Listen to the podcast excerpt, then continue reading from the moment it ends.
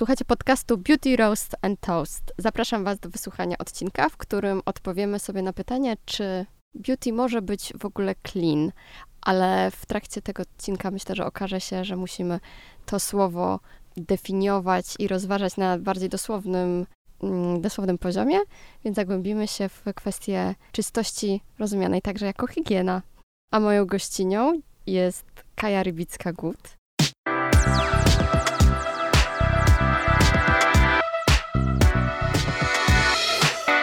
Cześć Kaja. Cześć. Współzałożycielka i pomysłodawczyni marki Yorkaja. Marki, która y, zaczęła się od środków e, higienicznych, środków menstruacyjnych, tak ładnie się to nazywa, czyli mówiąc wprost, podpasek i tamponów. E, będziemy dziś mówić o zdejmowaniu tabu z tego tematu, dlatego już teraz nazywajmy rzeczy, rzeczy po imieniu. Mm, ja sobie wyobrażam w bardzo taki memiczny sposób, jak ta marka powstała. E, dokładnie, chyba Kai już o tym mówiłam, dlatego Kaja się do mnie uśmiecha tu z mikrofonu. Wyobrażałam sobie tak, że mm, jak to bywa z Polakami w toalecie, często e, oddają się lekturze, ale nie zawsze są w tej toalecie gazety, ale zawsze są w niej podpaski, więc można poczytać, co jest napisane na tych opakowaniach i tam nie jest za dużo e, tak naprawdę do czytania. Może można byłoby poczytać skład, gdyby ten skład na tych podpaskach był e, umieszczony. Mm, mówię o jakiejś historii e, w dużym uproszczeniu i z, z dodatkiem trochę mojej fantazji. E, Kaja na pewno zaraz e, opowie trochę, jak to było, ale moje pytanie e, o to, jak powstała marka, zmierza trochę do pytania o to, czy pamiętasz ten pierwszy moment, kiedy zaczęłaś w ogóle refleksyjnie myśleć o tym, co w tych środkach higienicznych jest. Bardzo mi się podoba Twoja wersja i wydaje mi się, że muszę coś pozmieniać w tej oficjalnej. E, faktycznie e, tego składu można się nie doszukać, więc ta lektura mogłaby być bardzo długa, ale nie za bardzo skuteczna. Tak naprawdę ja dopiero zaczęłam się interesować tym tematem w momencie, w którym wpadliśmy na pomysł, żeby wejść w tą branżę, e, co jest właściwie zaskakujące, no bo jako osoba, która e, pierwszą miesiączkę pewnie miała w wieku, nie wiem, 12-13 lat, nie pamiętam dokładnie, e, i tych produktów używa przez większość swojego życia, no to zakładałabym, że, że powinnam to wiedzieć, z czego one są zrobione, ale wydaje mi się, że jak większość z nas w ogóle nie szukałam tej informacji, nawet jeśli chciałabym ją znaleźć na tym opakowaniu, o którym opowiadałaś, no to, no to na próżno. E, więc e, dla mnie to było ogromne zaskoczenie. Jak już wiedzieliśmy, że chcemy e, stworzyć markę, która będzie mogła oferować produkty w subskrypcji, że to będzie subskrypcja właśnie produktów fizycznych e, i zdecydowaliśmy się na higienę intymną, na menstruację z tego względu, że po prostu to jest proces, który na ogół zachodzi bardzo cyklicznie w ciele, e, więc w tą subskrypcję się wpisuje idealnie, no to zaczęliśmy mm, razem z Markiem, współzałożycielem marki Jorkaja, szukać więcej informacji na ten temat. My oboje mamy taką naturę researcherów, więc jak już jakiś temat e, nam wpadnie, to po prostu sprawdzamy wszystko, co się da e, i nie odpuszczamy tak łatwo. E, I faktycznie, jak zaczęliśmy googlować na temat składu podpasek, tamponów, żeby zobaczyć w ogóle, jak do tego podejść, jakie, jak te produkty powinny wyglądać, to zderzyliśmy się z takimi bardzo e, smutnymi właściwie informacjami, że e, producenci e, tego typu rzeczy nie mają w ogóle obowiązku umieszczać ich składu na opakowaniu, co e, wydaje się niedorzeczne, no bo wybierając się do drogerii, czy chociażby kupując w internecie krem do twarzy, no to czytamy o każdym jego składniku e, i sprawdzamy wszystko, co się da, a tutaj nie da się tego zrobić. E, jesteśmy 6 lat później i nadal nie ma tego obowiązku. Więc... Bo nie ma takiej regulacji prawnej. Tak, nie ma takiej regulacji, więc tak naprawdę to, że niektórzy, mniejsi raczej producenci tacy jak my, zaczęli umieszczać ten skład na opakowaniach, to jest tylko ich dobra wola. Nadal duże koncerny nie mają takiego obowiązku, więc na ogół tego nie robią, bo faktycznie nie mają się czym chwalić. Mhm, mówimy, e, mówimy o mniejszych producentach, bo właściwie dopiero niedawno się tacy pojawili, e, co sprowadzi nas za sekundkę do kolejnego tematu, jakim jest ubóstwo menstruacyjne, ale e, po kolei. Mm, zobaczyłaś, co się tam znajduje i co się tam znajduje? Bardzo dużo niepotrzebnych substancji. Przede wszystkim podpaski tampony to jest produkt, który wystarczy, że składa się z tak naprawdę jednego składnika i tak jest też w przypadku naszych produktów. Jest to po prostu organiczna bawełna z odpowiednimi certyfikatami, więc nie ma tam żadnego poliestru, żadnych e, innych e, syntetycznych i sztucznych e, materiałów. Nie ma tam chloru, który pojawia się w tych produktach podczas procesu bielenia, żeby one po prostu miały ładny, śnieżno-biały kolor.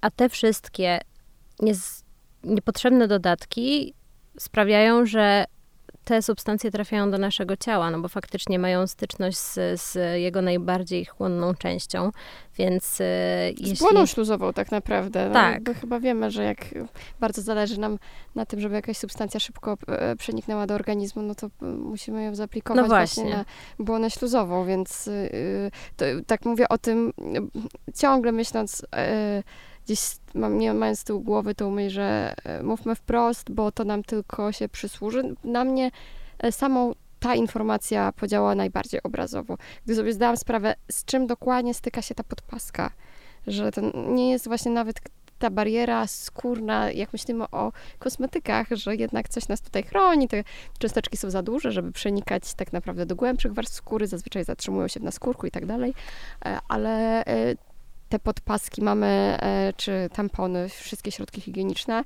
e, na sobie przez ileś dni, non-stop. One non-stop mają styczność z błoną śluzową, która jest bardzo, tak jak powiedziałaś, chłonną, e, chłonną tkanką i tak naprawdę prosta droga do tego, żeby te toksyczne, nie bójmy się tego powiedzieć, substancje znalazły się w naszym organizmie. Tak, super, że o tym mówisz, bo właśnie wydaje mi się, że to jest coś, e, na co w ogóle nie zwracamy uwagi, a jak zaczniemy o tym myśleć, to już nie możemy przestać. I tak też było w, faktycznie w moim e, przypadku. E, do tej pory gdzieś tam my staramy się bardzo mm, dużo mówić na ten temat, no bo zdajemy sobie sprawę z tego, że to nie jest wcale takie oczywiste dla niektórych, tych, którzy już weszli w ten temat i zainteresowali się nim trochę, trochę mocniej, tak, ale faktycznie, e, jeśli policzymy, ile mamy cykli e, menstruacyjnych w ciągu całego życia, to wyjdzie nam taka liczba, że to jest właśnie prosta droga do tego, żeby te toksyny non-stop ładować w nasze ciało, co ma później faktycznie przełożenie na różne dolegliwości, których nie wiążemy bezpośrednio akurat z mhm. używaniem niekoniecznie zdrowych środków higienicznych. Ja zachęcam do tego liczenia. Też Kaj już kiedyś mówiłam, że ja policzyłam, ile e, mnie kosztowało, będzie kosztować i kosztuje e, jakby przez całe życie e, zakup tych wszystkich środków, które są potrzebne e, do tego, żeby w komfortowy i godny sposób przeżyć e, menstruację. I wyszło mi, że przez całe życie uzbierałabym sobie na całkiem niezły e, samochód. Może nie samochód z salonu, ten całkiem niezły, ale byłby to taki, który myślę nawet teraz się poruszam i bardzo jestem z niego zadowolona, więc to jest bardzo duża kwota, ale to, to też pokazuje bardzo duży czas. Można byłoby pewnie to w lata, w latach przeliczyć, ile, tak. ile mm, menstruujemy, zwłaszcza, że też u każdej kobiety ten cykl trwa e, w zupełnie jakby innych ramach, czasami dłużej, czasami krócej, e, więc zakładam, że w, tym, w tej dłuższej wersji to będzie tego czasu jeszcze e, jeszcze więcej, ale to, co powiedziałaś, że jak już raz pomyślisz o tym, to już nie możesz przestać.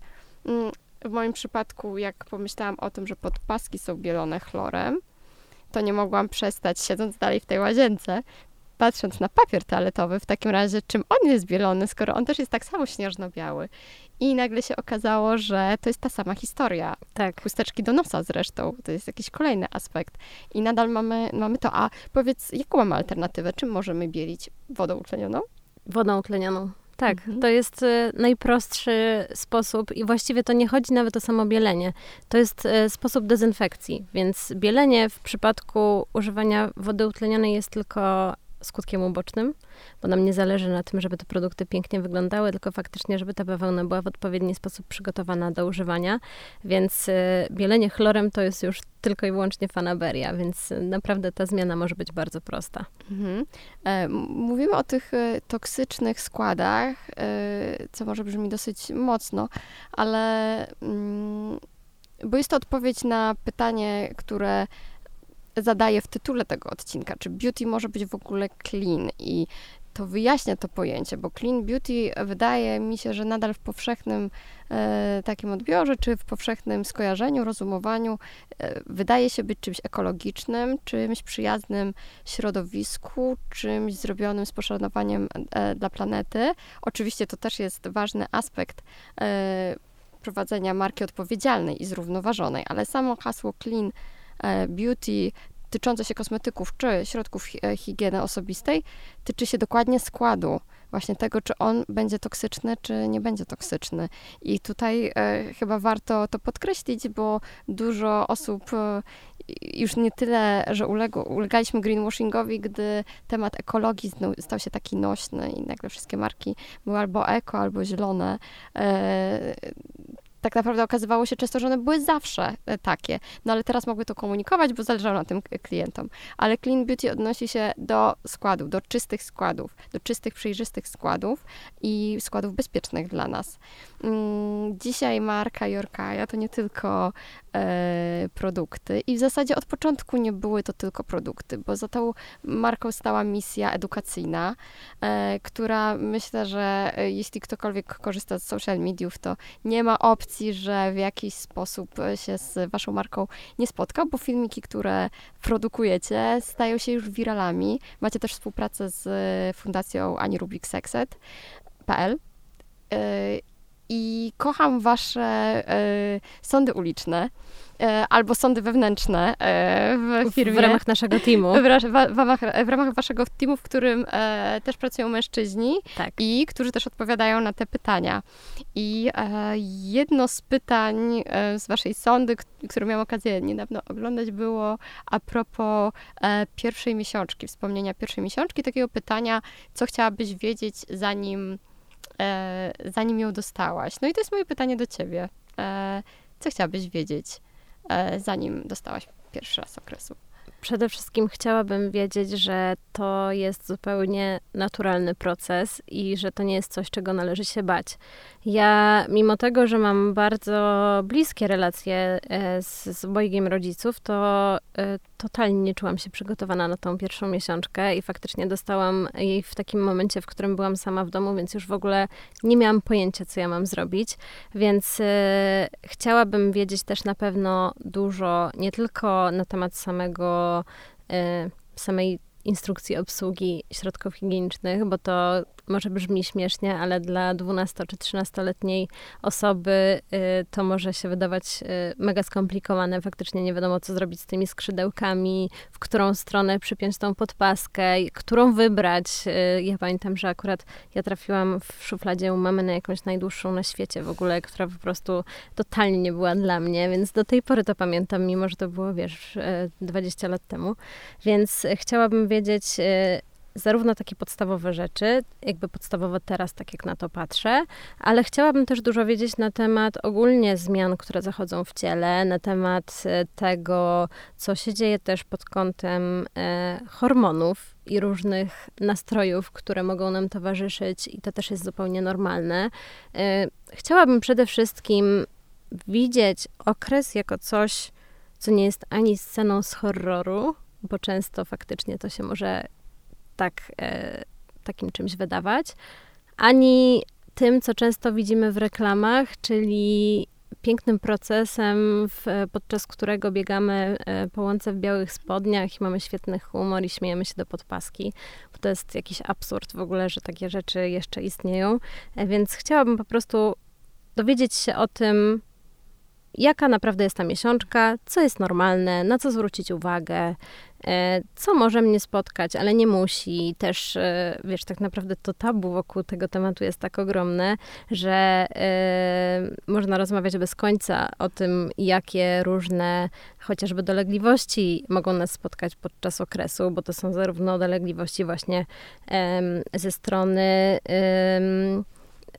naszego nastroju, naszego samopoczucia, ale też ze strony układu pokarmowego, o czym już w ogóle się nie mówi, bo to już jest temat po prostu e, totalnie schowany gdzieś tam głęboko, którego się nigdy nie wyciąga, szczególnie w towarzystwie.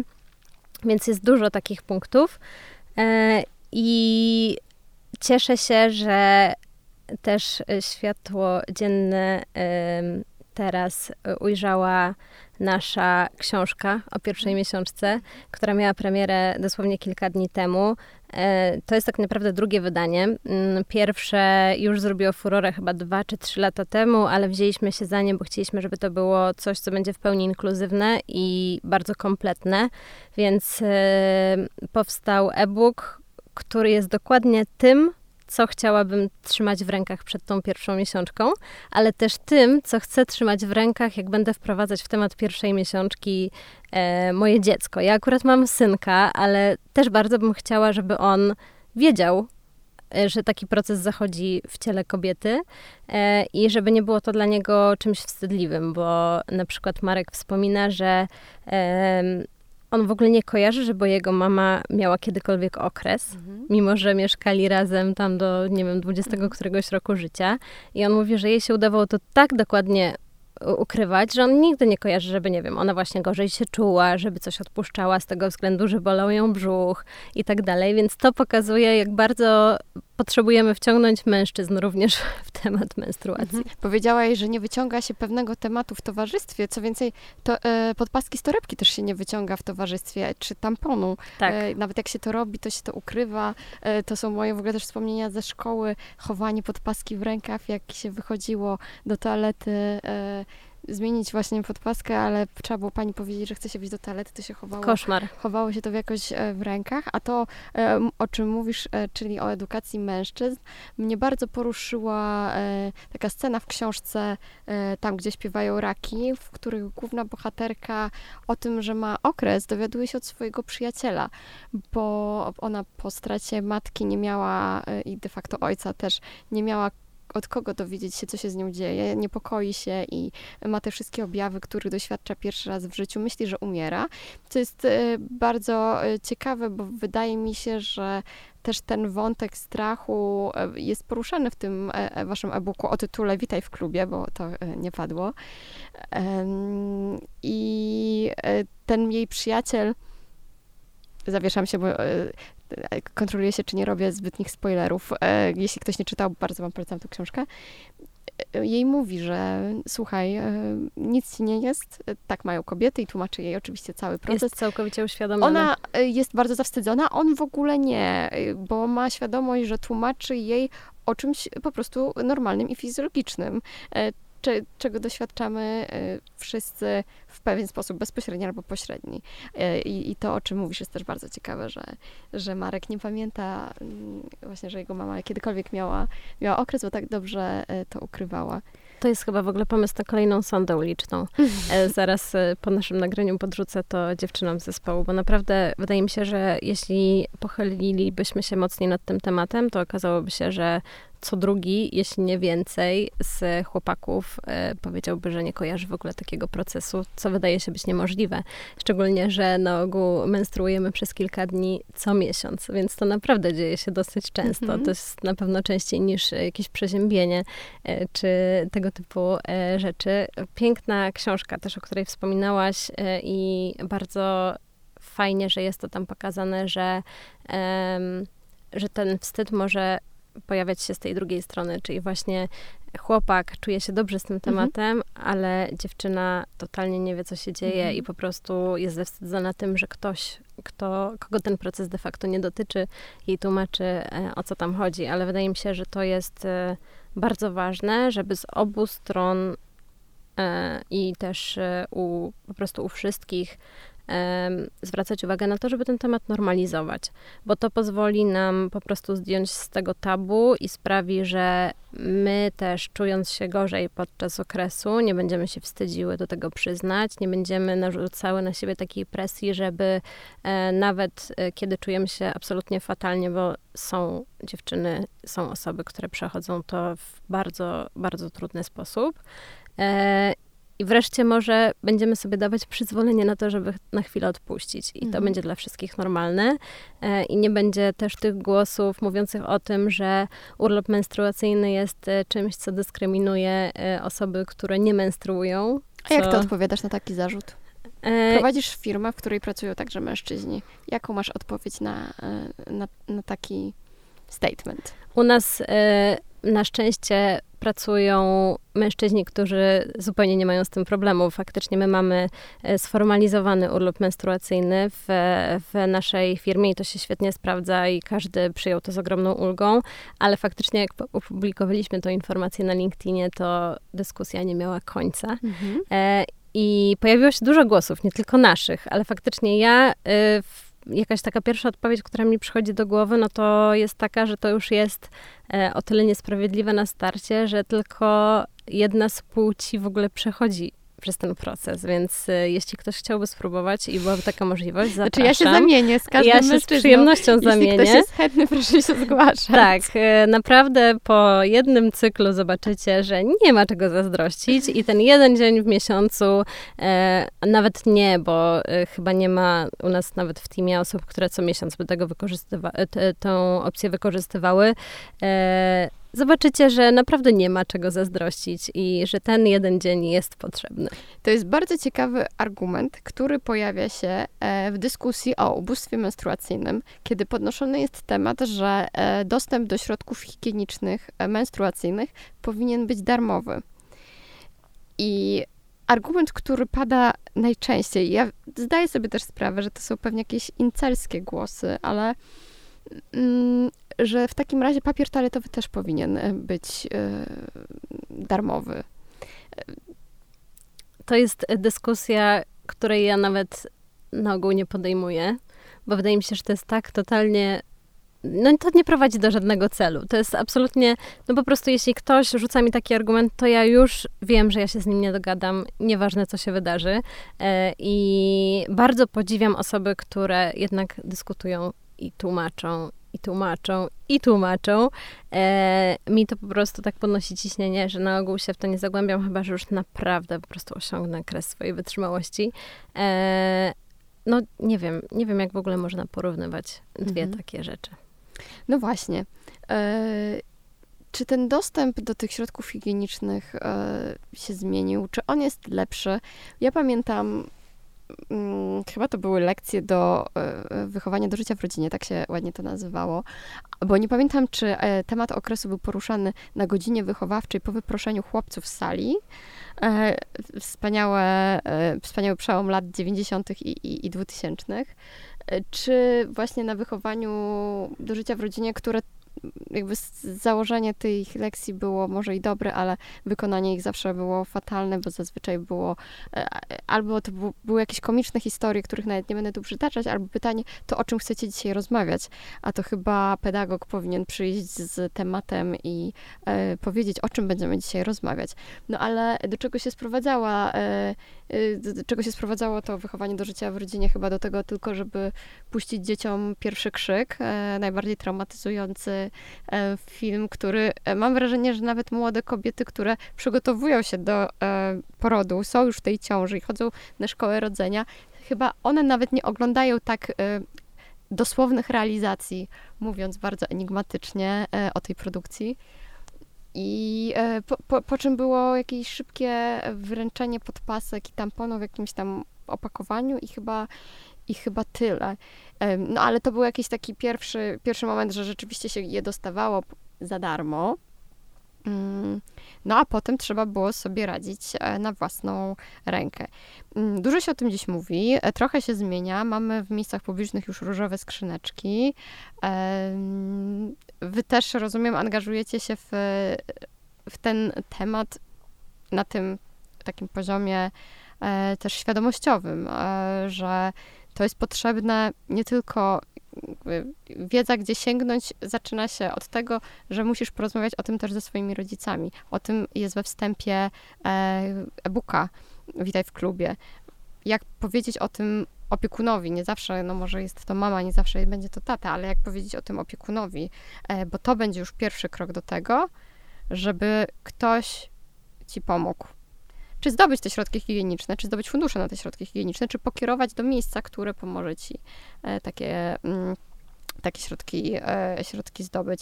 E, jak ty widzisz tą kwestię w ogóle? Jak patrząc od ze strony de facto producenta na tą sytuację i też ten model subskrypcyjny, mm, czy to się bardziej sprawdza? Czy masz już po tylu, po kilku latach feedback w tej kwestii? Jak to wygląda?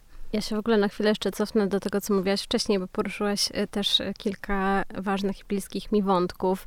E, w ogóle chciałam powiedzieć, że już sama nazwa wychowanie do życia w rodzinie to jest już, już coś bardzo złego. To, co tam, jakie tam informacje były przekazywane i to, że pedagog pytał się uczniów, o czym chcieliby porozmawiać, no to już z góry skazuje na niepowodzenie w ogóle tego typu akcje, no bo jak 11, 12, 13-latkowie powiedzą ci wprost, że chcą porozmawiać o czymś ważnym, no nikt ci tego nie powie, nikt się nie wyrwie jako pierwszy i nie przełamie faktycznie tego wstydu, który wszyscy w sobie nosimy.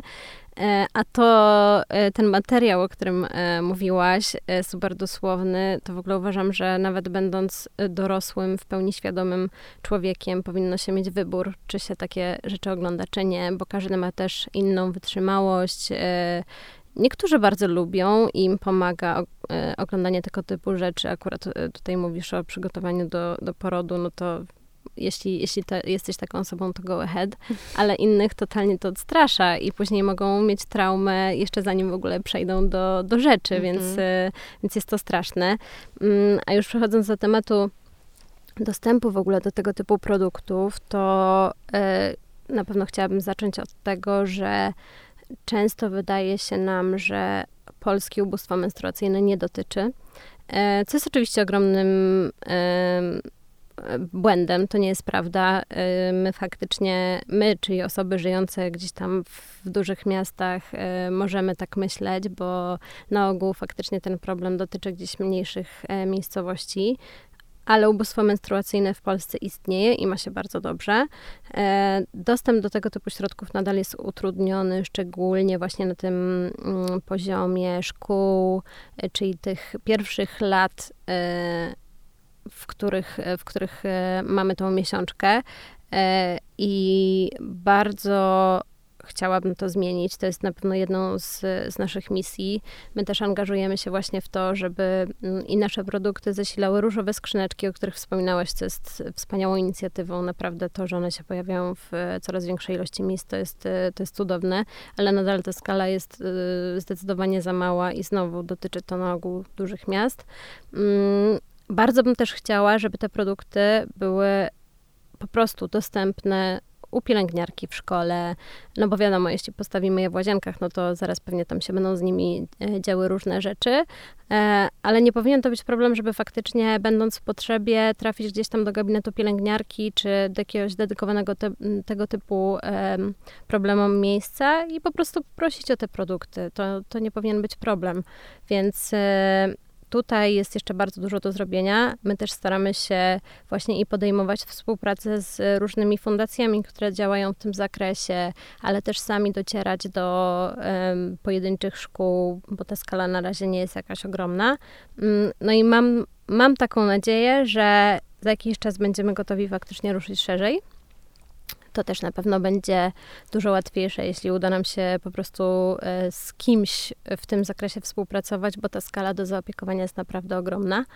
Mm, ale ja głównie właśnie skupiam się na tych szkołach, bo wydaje mi się, że te pierwsze lata, czyli to samo wprowadzenie w temat, ma później ogromne przełożenie na całe nasze życie.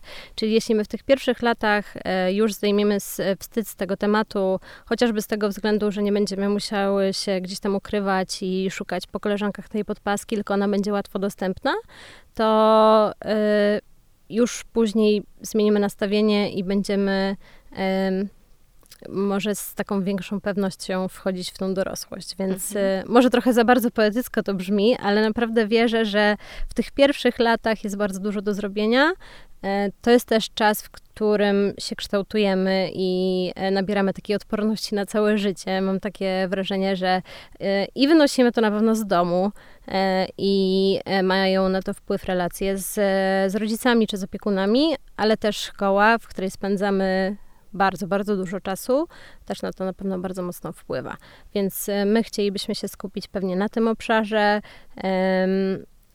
a docelowo pewnie na każdym, który, który tego potrzebuje.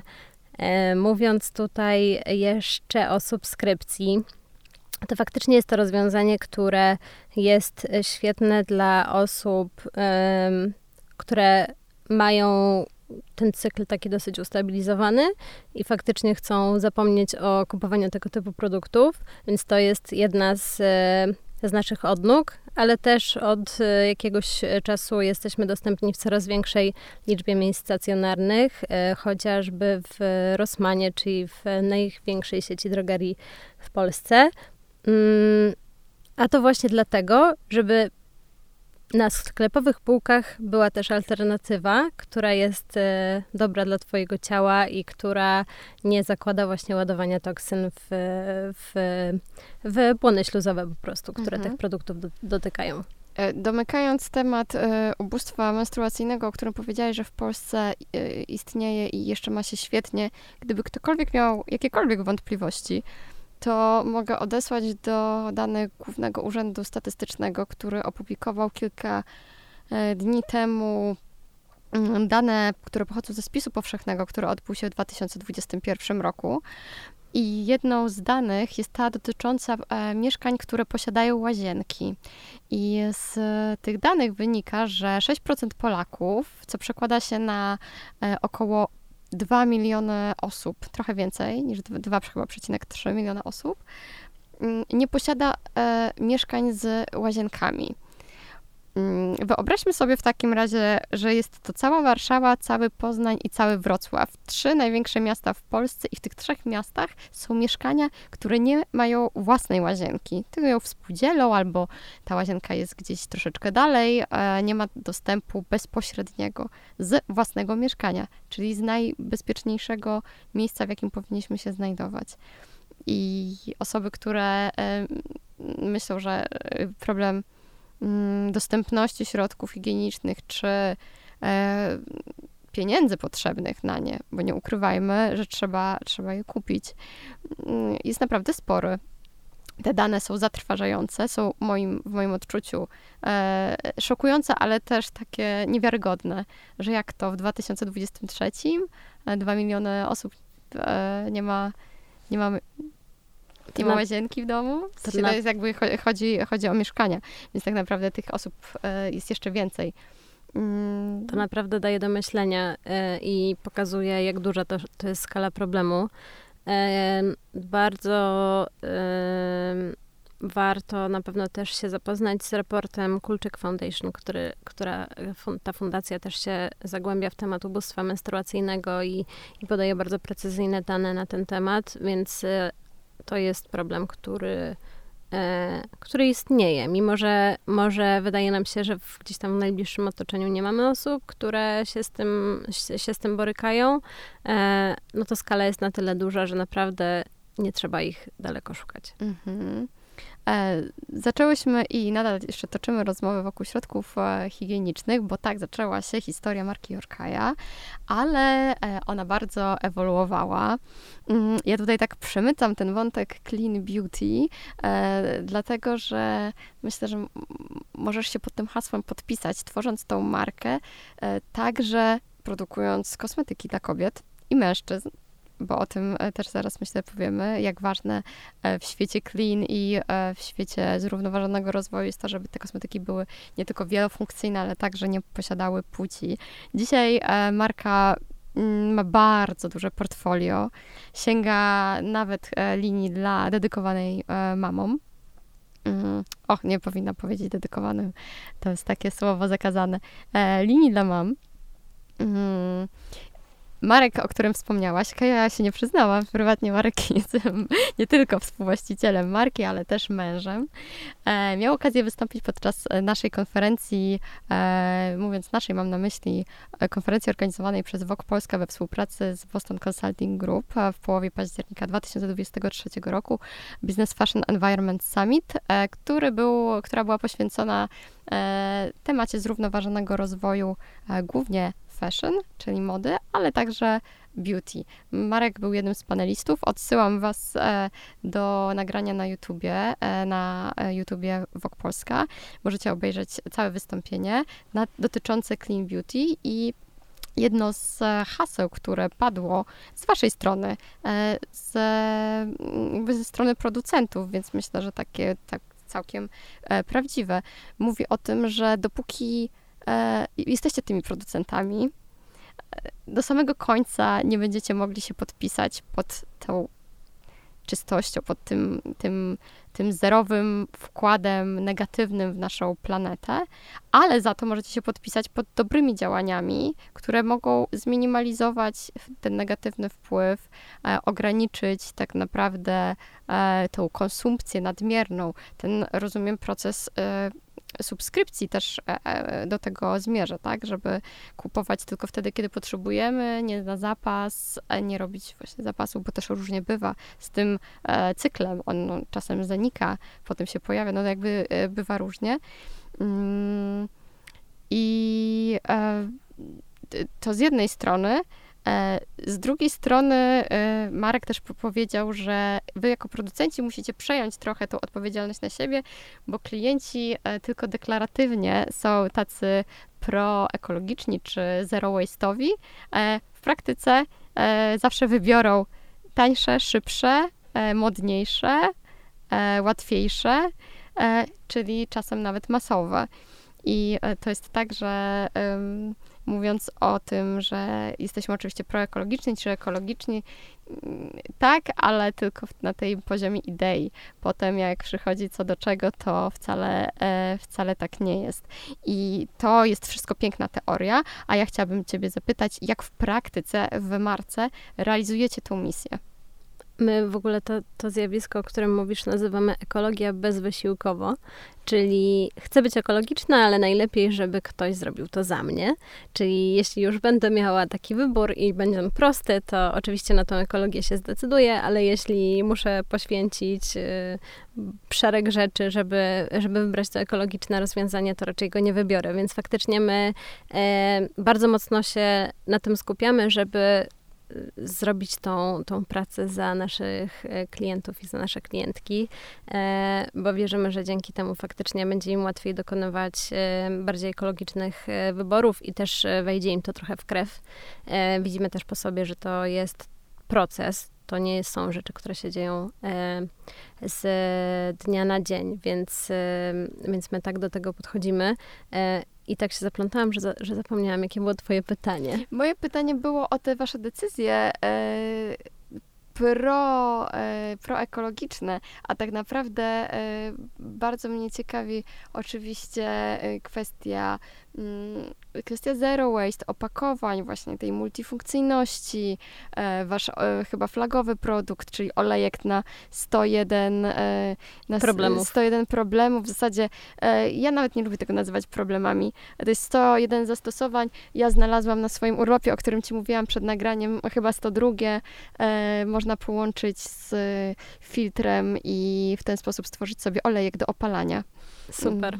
I chyba jeszcze nikt tego rozwiązania nie podał, więc do, dorzucę do listy. Polecam kropelkę olejku do e, kropelki, na przykład serum z SPF-em, żeby mniej więcej były to płynne konsystencje, ale także kremowa się sprawdzi, czy taka emulsyjna i wtedy jak się nie ma olejku do opalania, bo poleciało się na wakacje z bagażem podręcznym i można było zabrać tylko 100 ml, a kosmetyki do opalania do ciała, zwłaszcza olejki, mają zazwyczaj większe pojemności, to w ten oto sposób można zrobić sobie Super. swój, Super. swój, swój naturalny, ale to jest y, mm, coś, o czym też powiedział e, Marek, tak, że ograniczenie overconsumption można ograniczyć w ten sposób, że e, można tworzyć e, kosmetyki, które są wielofunkcyjne. Po pierwsze, międzypłciowe, bez podziału na płeć, a po drugie, które robią więcej niż jedną rzecz.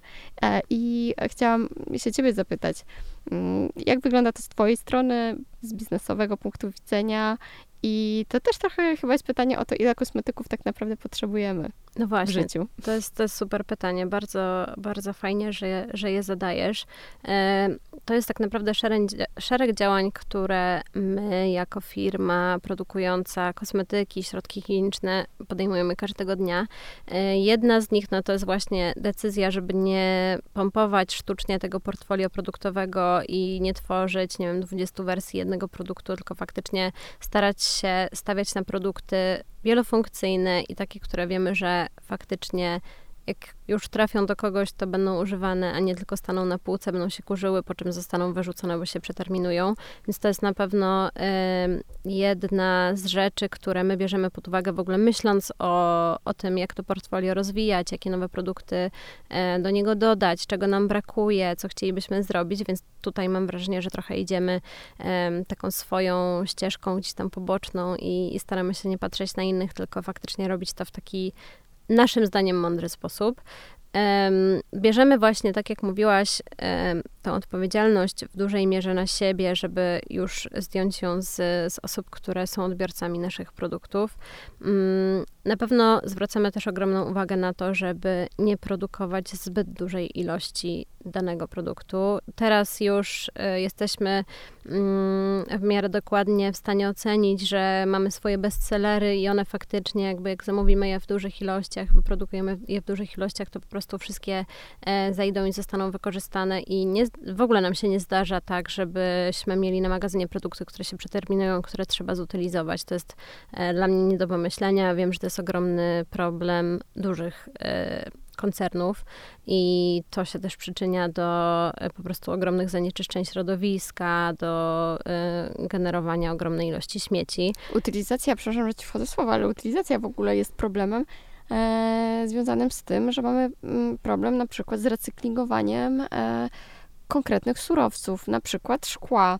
E, mówiły o tym dziewczyny e, w, z Ministerstwa Dobrego Mydła, które też były gościniami mojego podcastu, e, mówiąc o tym, że w niektórych przypadkach, w bardzo konkretnych, zwłaszcza plastik jest tym, ten zły, straszny plastik. On jest zły i straszny, bo wiemy, że mikrocząsteczki plastiku mamy w krwioobiegu już w tej chwili, ale że czasami ten plastik jest bardziej ekologiczny niż szkło, które w żaden sposób się zwłaszcza w Polsce, nie, nie przetwarza się go, nie odzyskuje się. Ten proces jest trudny, kosztowny e, i, on jest już trudny na tym etapie, że tak naprawdę my nie do końca potrafimy segregować szkło, na przykład nie odkręcając i nie e, rozczłonkowując poszczególnych części opakowania kosmetyku, czyli jest butelka, ale butelka ma zazwyczaj atomizer albo e, coś innego, na Jakąś przykład pipetę, pipetę. Mhm. i że nie można tego po prostu tak jak stało na półce wrzucić do śmietnika,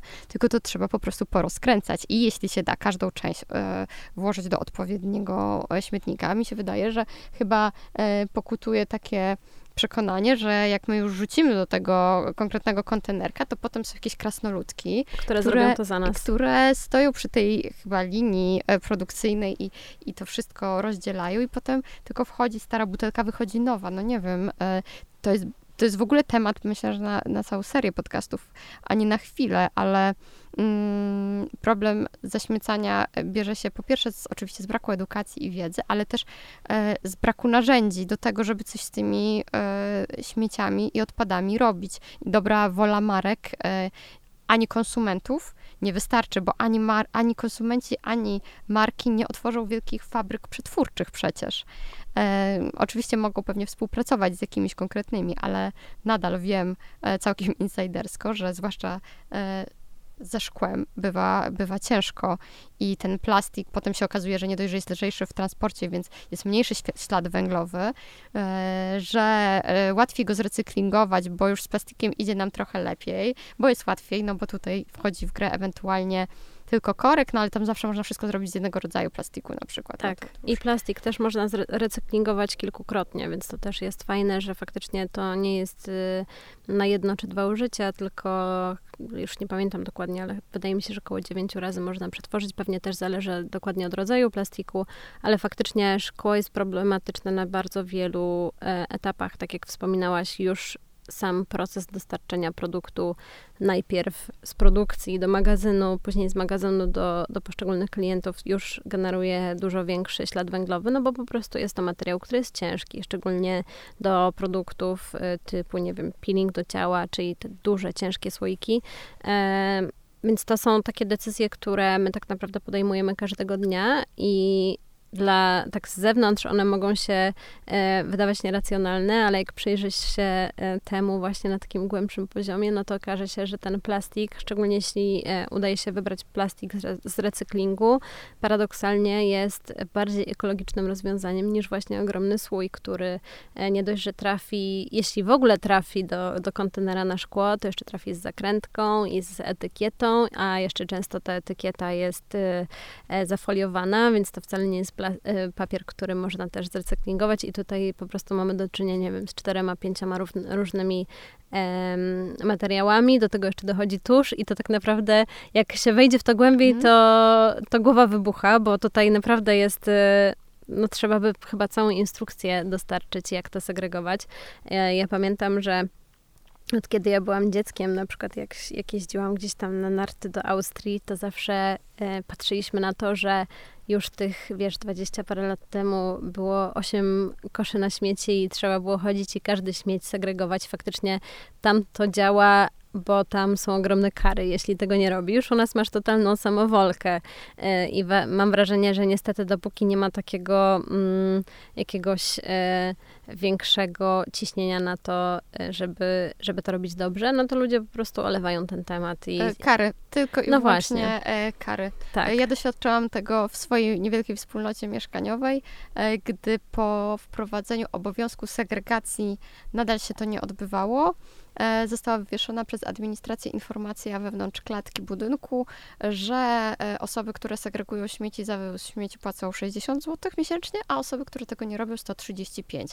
I że jest teraz czas obserwacji, a ponieważ mamy monitoring, e, bardzo łatwo to było stosunkowo zrobić, albo skutecznie nastraszyć, może tak, bo też nie do końca wierzę, że ktoś siedział i oglądał, tak. jak się to działo, ale podziałało i nagle wszyscy nauczyli się jednak jednak, że wynosimy przynajmniej te trzy plastik, papier e, i odpady zmieszane, przynajmniej te trzy oddzielnie, mm, no bo inaczej dopiero ta kwota konkretna zadziałała na tyle mobilizująco, żeby to w ogóle robić, no ale nadal, nadal tego nie, nie umiemy, to też jest bardzo, bardzo trudne, bo nie, nie wszystko jest oczywiste. I powiem Ci, że pomysł, żeby, ja, ja marzę o tym. I myślałam o tym wczoraj wieczorem, gdy coś wyrzucałam do śmieci, że marzę o tym, żeby było napisane wyrzuć mnie tu, wyrzuć mnie tu, e, korek, odkręć mnie, wyrzuć do tego mm, etykieta, zerwij mnie. Wyobrażam sobie oczywiście, że ona nie jest przyklejona tym toksycznym klejem tak. spod paski, e, tylko czymś takim wodnym, który odchodzi od razu bez większego wysiłku i tu wyrzuć mnie do papieru. Ja bym sobie życzyła taką instrukcję. Wydaje mi się, że to w ogóle funkcjonuje e, w, na przykład w Danii, więc e, to wcale nie jest jakieś super trudne rozwiązanie. Myślę, że Niestety problem jest tylko taki, że dopóki to nie będzie jakaś odgórna e, inicjatywa, to, to nie dojdziemy tego przez bardzo wiele lat, ale faktycznie system kar niestety sprawdza się tutaj najlepiej. Nagle okazuje się, że to wcale nie jest takie trudne i niemożliwe do zrobienia. E, mam wrażenie, że problem też leży w tym, że zawsze wydaje nam się, że no przecież my jesteśmy tylko jedną jednostką i jeśli ja tego nie zrobię, no to co to za skala, że, że nic się nie stanie. Pomyślało 7 miliardów ludzi. No właśnie, chciałam to powiedzieć, że, że to jest ten problem i też mam wrażenie, że czasem e, jesteśmy po prostu leniwi, nie chce nam się, no to jest naturalne, okej. Okay. Ja zawsze motywuję się tym, że wyrzucając e, bo akurat właśnie kosz na papier mam, nie mam pod, pod zlewem w kuchni, tylko mam gdzieś tam w szafie w korytarzu, bo już się te śmieci nie mieszczą. I czasem mam taką myśl, że jakiś mini papierek po e, herbacie wyrzucę do tego głównego kosza, ale później sobie myślę, nie no, przecież ty musisz zadbać o świat dla e, swojego dziecka i to jest dla mnie taka motywacja dopiero silna faktycznie, żeby, żeby się przejść tych 10 metrów z tym, z tym śmieciem. E, ale ja też jestem osobą super świadomą. Wydaje mi się, że niestety znowu brak edukacji, brak rozwiązań systemowych, e, brak po prostu jakichś takich e, odgórnych, wiesz, inicjatyw i, i instrukcji, jak to robić, dlaczego to robić i znowu brak takiej wyobraźni. Mm, też na konferencji, o której wspominałaś, był świetny panel dotyczący gór ubrań, które zalegają E, w na różnych częściach, w między innymi w Ganie, na, na plażach w różnych częściach e, całego świata tak naprawdę. I dopóki się tego nie wygoogluje, no to w ogóle to ci się wydaje, że co to za problem, że to jakaś odległa część świata i w ogóle ci to nie dotyczy. E, ale jak się zaczniesz tym interesować, to już nie ma odwrotu. I e, wydaje mi się, że to samo jest z segregowaniem śmieci i ten temat, to, no to jest temat rzeka, mhm. na pewno. A powiedz mi, trochę już kończąc, e, co najbardziej cię rozczarowało w myśl tego, że chciałaś, chcieliście z Markiem i z resztą współpracowników prowadzić firmę jak najbardziej zrównoważoną, podejmować świadome decyzje i mimo będąc producentem, jednak produkować w takim no, duchu sustainability. Co Ci najbardziej rozczarowało, zawiodło, zdziwiło, e, coś, co może planowałaś e, zrobić i, i, i okazało się, że to jest na przykład mm, tylko ładnie wygląda z wierzchu, a jak się trochę bardziej pogrzebie, to, to wcale nie jest takie fajne. Mogę opowiedzieć na przykład o jednej zmianie, którą poczyniliśmy ostatnio, bo faktycznie okazało się, że nasz pierwotny pomysł był bardzo chybiony, mimo że właśnie e, początkowo wydawał nam się być świetny i e, wydawało nam się, że robimy coś dobrego. E, a są to kosmetyki w opcji z refilem, czyli linia do twarzy, e, w której początkowo kupujesz wkład razem z wielorazową obudową, e, a później każdy kolejny krem kupujesz już e, jako sam wkład, który do tej wielorazowej obudowy wkładasz. I faktycznie wydawało nam się, że to będzie świetne rozwiązanie, które w długim terminie e, pozwoli zaoszczędzić po prostu dużą ilość plastiku, która musi zostać wyprodukowana na stworzenie takiego produktu.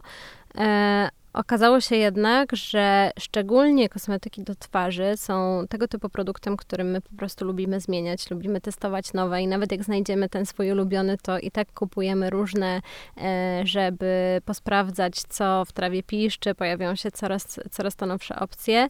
E, okazało się też, że te opakowania, same te obudowy są muszą być na tyle trwałe, że faktycznie tego plastiku jest tam stosunkowo dużo, e, że one wcale nie są tak niezniszczalne, jak nam się wydawało, więc to był zupełnie chybiony e, pomysł, o którym my o czym my teraz głośno mówimy. My też raczej jesteśmy taką marką, która lubi być transparentna też w tych kwestiach, które nam nie wyszły, no bo każdemu nie wychodzi i też y, staramy się po prostu przyznawać do tego, nie, nie zamiatać tego gdzieś tam pod dywan. I faktycznie refile to jest w ogóle temat, który jakiś czas temu był bardzo gorący i wszystkim się wydawało, że to jest po prostu złoty gral i że to jest coś, co pozwoli nam właśnie bardziej ekologicznie produkować i e, sprzedawać kosmetyki. E, my z tego rozwiązania się wycofaliśmy. Mm, podejdziemy do tego tematu jeszcze raz, ale przy innych produktach y, i też y, wybierzemy na pewno inny typ tych opakowań. Teraz y, linia produktów do twarzy wraca do jednorazowych opakowań, bo faktycznie to jest coś, co będzie bardziej ekologiczne, co, co na pierwszy rzut oka wydaje się być niemożliwe, ale jak to wszystko policzysz i faktycznie zagłębisz się w ten temat, to, no to no, no nie, ma, nie ma innego rozwiązania. Więc na pewno refile to jest to jest coś, co mnie rozczarowało, bo mhm. faktycznie wydawało nam się to być bardzo fajnym rozwiązaniem, a, a, sami się z tego wycofujemy i na pewno też nie jesteśmy jedyną marką, która to robi. Mhm. Um, poza tym myślę, że takich rozczarowań nawet w takim codziennym e, życiu i codziennej pracy jest naprawdę bardzo dużo. Um, produkcja kosmetyków, w szczególności właściwie produktów higienicznych jest bardzo trudna. Um, kosmetyków jest o tyle łatwiejsze, że faktycznie tych e, samych fabryk, które, z którymi współpracujemy jest bardzo dużo, więc to nie jest, to nie jest jakieś super skomplikowane, żeby znaleźć partnera, który stworzy razem z tobą produkt w 100% e, pod twoje wymagania. E, ze środkami higienicznymi my nie chcemy też iść na żadne kompromisy, więc faktycznie tutaj znalezienie partnera, e, z którym możemy stworzyć produkt w 100% nas zadowalający e, i jeszcze pracujący w etyczny sposób i spełniający szereg naszych wymagań, jeśli chodzi chociażby, nie wiem, o właśnie warunki pracy, czy różne certyfikaty, które chcemy mm, umieszczać na, na naszych opakowaniach naszych produktów, to jest też wyzwanie, więc tych rozczarowań faktycznie jest dosyć dużo. E, mam wrażenie, że już trochę się do tego przyzwyczaiłam. E, chyba gdyby było inaczej, to bardzo szybko bym się zniechęciła i po prostu rzuciła to wszystko. E, raczej teraz mam tak, że szybko się otrzepuję i też e, staram się po prostu szukać nowych rozwiązań, zamiast e, się poddawać. Mhm. Ale też są takie momenty właśnie, w których trzeba się poddać i nie traktować tego jako swoją porażkę, tylko może bardziej jakąś e, taką lekcję. E, ja też bardzo lubię wyciągać wnioski ze wszystkiego. Mm, mam wrażenie, że dzięki temu stajemy się lepsi.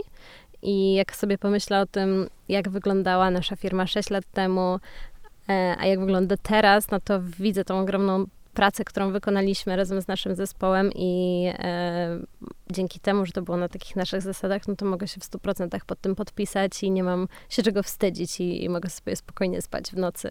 Dosłownie się pod tym podpisać, bo marka nosi twoje imię. Tak, więc ja już nie mam żadnej drogi ucieczki. E, a powiedz mi, na jak największe tabu związane z menstruacją udało Wam się jako marce obalić, albo w ogóle wyciągnąć je na światło dzienne, bo to do obalania to jeszcze jest długa droga, ale w ogóle wziąć i omówić mm, szerzej. E, ja się bardzo cieszę z tego, że mm, gdzieś mi, jeśli gdzieś mi się pojawia w social mediach, e, właśnie chyba najczęściej przy postach e, fundacji wspomnianej Sexet.pl, z którą współpracujecie, że e, e, krew nie jest niebieska. To jest wspaniałe. E, tylko czerwona. E, no ale właśnie to pytanie do ciebie. Wiesz co, my tak naprawdę mam wrażenie, że poruszamy dużo takich tematów, które z jednej strony są tabu, a z drugiej strony są te, wynikają też może z braku edukacji, więc my i mówimy o tym na przykład, e, co znaczy kolor krwi menstruacyjnej, jak on się zmienia w trakcie całego cyklu, e, ale mówimy też o tym, że oprócz krwawienia przez tych kilka dni w miesiącu Y, możemy mieć różnego rodzaju wydzieliny i to też jest ok, więc mamy dużo takich anatomicznych treści. Mhm. Właśnie mówimy o różnych y, mm, problemach ze strony układu pokarmowego, które też są powiązane z właśnie z, z miesiączką i, i z tym, co się dzieje wtedy w, w naszym ciele. Mówimy o różnych chorobach współtowarzyszących, bo często też nie wiążemy ich na przykład z używaniem środków, które wypuszczają toksyny do naszego e, ciała e, i też to jest coś, co ja znam z autopsji, bo faktycznie e, kilka lat temu, e, po wielu latach właściwie, e, albo, albo wielu, wielu, bardzo wielu latach, tak naprawdę walczenia z bólem podczas całego cyklu, nie tylko podczas miesiączki, okazało się, że mamy endometriozę, która nagle stała się w ogóle czymś, co jeszcze kilka lat temu nie istniało, a teraz okazuje się, że naprawdę choruje na nią bardzo wiele osób.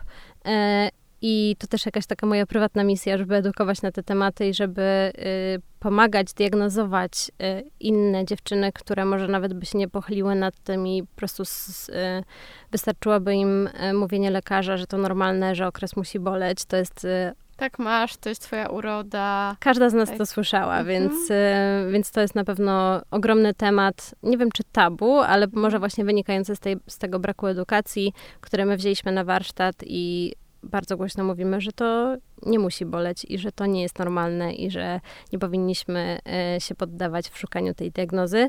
Więc e, bardzo dużo wątków tutaj poruszamy. Mówimy też o samych różnych e, budowach anatomicznych. To są w ogóle nasze najbardziej poczytne treści, które wydają się być banalne i śmieszne w ogóle, że, że ktoś o tym mówi, ale to są właśnie te braki jeszcze z, z etapu szkoły, które mhm. mamy i które później wpływają na to, że mamy różne problemy przez całe życie, więc E, już nawet chyba nie muszę wspominać o tym, że, e, że też obalamy mit, że podczas okresu nie można zajść w ciążę, e, tak samo jak podczas karmienia piersią nie można zajść w ciążę. No to tak, są, wiesz, tak, takie tak, po prostu tak. już... Klasyki. Klasyki, tak.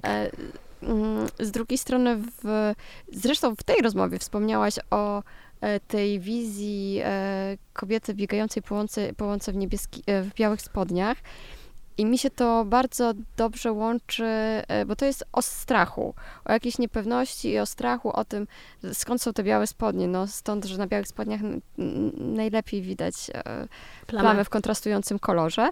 E, więc to jest strach przed byciem widocznym w tej sytuacji, to jest znowu wstyd, gdyby się to wydarzyło, i to mi się bardzo e, dobrze łączy ze strachem, e, w który, który jest opisany przez ekspertkę w waszym e-booku mm, na początku samym e, Twojego klubu, witaj, witaj w klubie. Mm, to jest strach związany z tym, że sznureczek od tamponu się urwie. I fajnie, że o tym piszecie, fajnie, że o tym się mówi i bardzo niefajnie, że temu procesowi, który, e, do, który doświadcza każda kobieta, towarzyszy niestety strach. E, I to poczucie komfortu, o którym się mówi e, tak szeroko, i to jest hasło, które najczęściej pada w kontekście okresu, że by był on komfortowy, mam wrażenie, odnosi się do y, tych środków higienicznych, żeby one były wygodne, żeby były miękkie, żeby były ładne, może ładnie pachniały, chociaż nie powinny, no to o tym, o tym też pewnie mogłabyś dużo powiedzieć. Ale tak naprawdę mówimy o komforcie psychicznym. O tym, żeby nie czuć wstydu, nie czuć strachu, e, nie bać się zapytać, e, nie bać się poprosić e, i też nie bać się mówić, bo tak jak tak jak mówisz teraz głośno o endometriozie, to, to jest właśnie pierwszy krok do tego, żeby, żeby coś zrobić z bardzo poważnym schorzeniem. E, trzeba wiedzieć, że ono może występować, e, wiedzieć na czym ono polega i do kogo zgłosić się o pomoc i absolutnie nie dać się zbyć historiami czy odpowiedziami pod tytułem przejdzie ci jak tu urodzisz dziecko na przykład. To jest jeszcze... To jest kolejny klasyk. Jedna z moich odpowiedzi. Tak. Wiesz co, to fajnie, że powiedziałaś o tym strachu. Ja myślę, że to jest mieszanina strachu i wstydu, tak naprawdę. I właśnie te białe spodnie są takim idealnym symbolem tego wstydu. Tak samo e, ja nie zapomnę nigdy reklamy, która mówi o tym, że wybierz w szkole tampon, bo tampon właśnie łatwiej schować do kieszeni niż, niż pod paskę, co jest w ogóle, no okej, okay, to jest prawda, ale zacznijmy od tego, że w ogóle nie powinno się tego chować, ale ja jestem taka mądra, ale dopiero teraz w, w wieku tam tych 32, prawie 33 lat jestem w stanie w pełni powiedzieć, że to nie jest dla mnie temat wstydu, ale ja też pracuję w marce, która ten, ten wstyd z tego tematu znajduje, zdejmuje, więc e, mi jest łatwo to powiedzieć, e, ale są to faktycznie ten strach i wstyd to są uczucia, które mam wrażenie, że towarzyszą nam przez całe życie i mają też ogromny wpływ później na różne relacje. E, właśnie chociażby to, jak się zachowujemy w pracy, czy, czy jesteśmy w stanie sobie odpuszczać i czy jednak narzucamy na siebie tą ogromną presję. Więc e, no my mamy ogromną misję, e, żeby, żeby z tym walczyć i mam straszną nadzieję, że e, jeszcze trochę czasu musi minąć, ale że dojdziemy do takiego momentu, w którym już właśnie od etapu szkoły będziemy odpowiednio wprowadzać w ten temat. I każda osoba, która e, będzie e, w, to zaangażowana, będzie się czuła właśnie bezpiecznie. I, i będzie, będzie taka zaopiekowana. O, może tym słowem zamknę. Ja trzymam mocno za to kciuki. I bardzo Ci dziękuję za tą rozmowę. Życzę samych sukcesów, bo Wasze sukcesy będą też trochę naszymi małymi sukcesami. E, dziękuję Ci, Kaja, za rozmowę. Bardzo dziękuję. Dziękuję i Wam za wysłuchanie tego odcinka. Do usłyszenia w kolejnym z serii.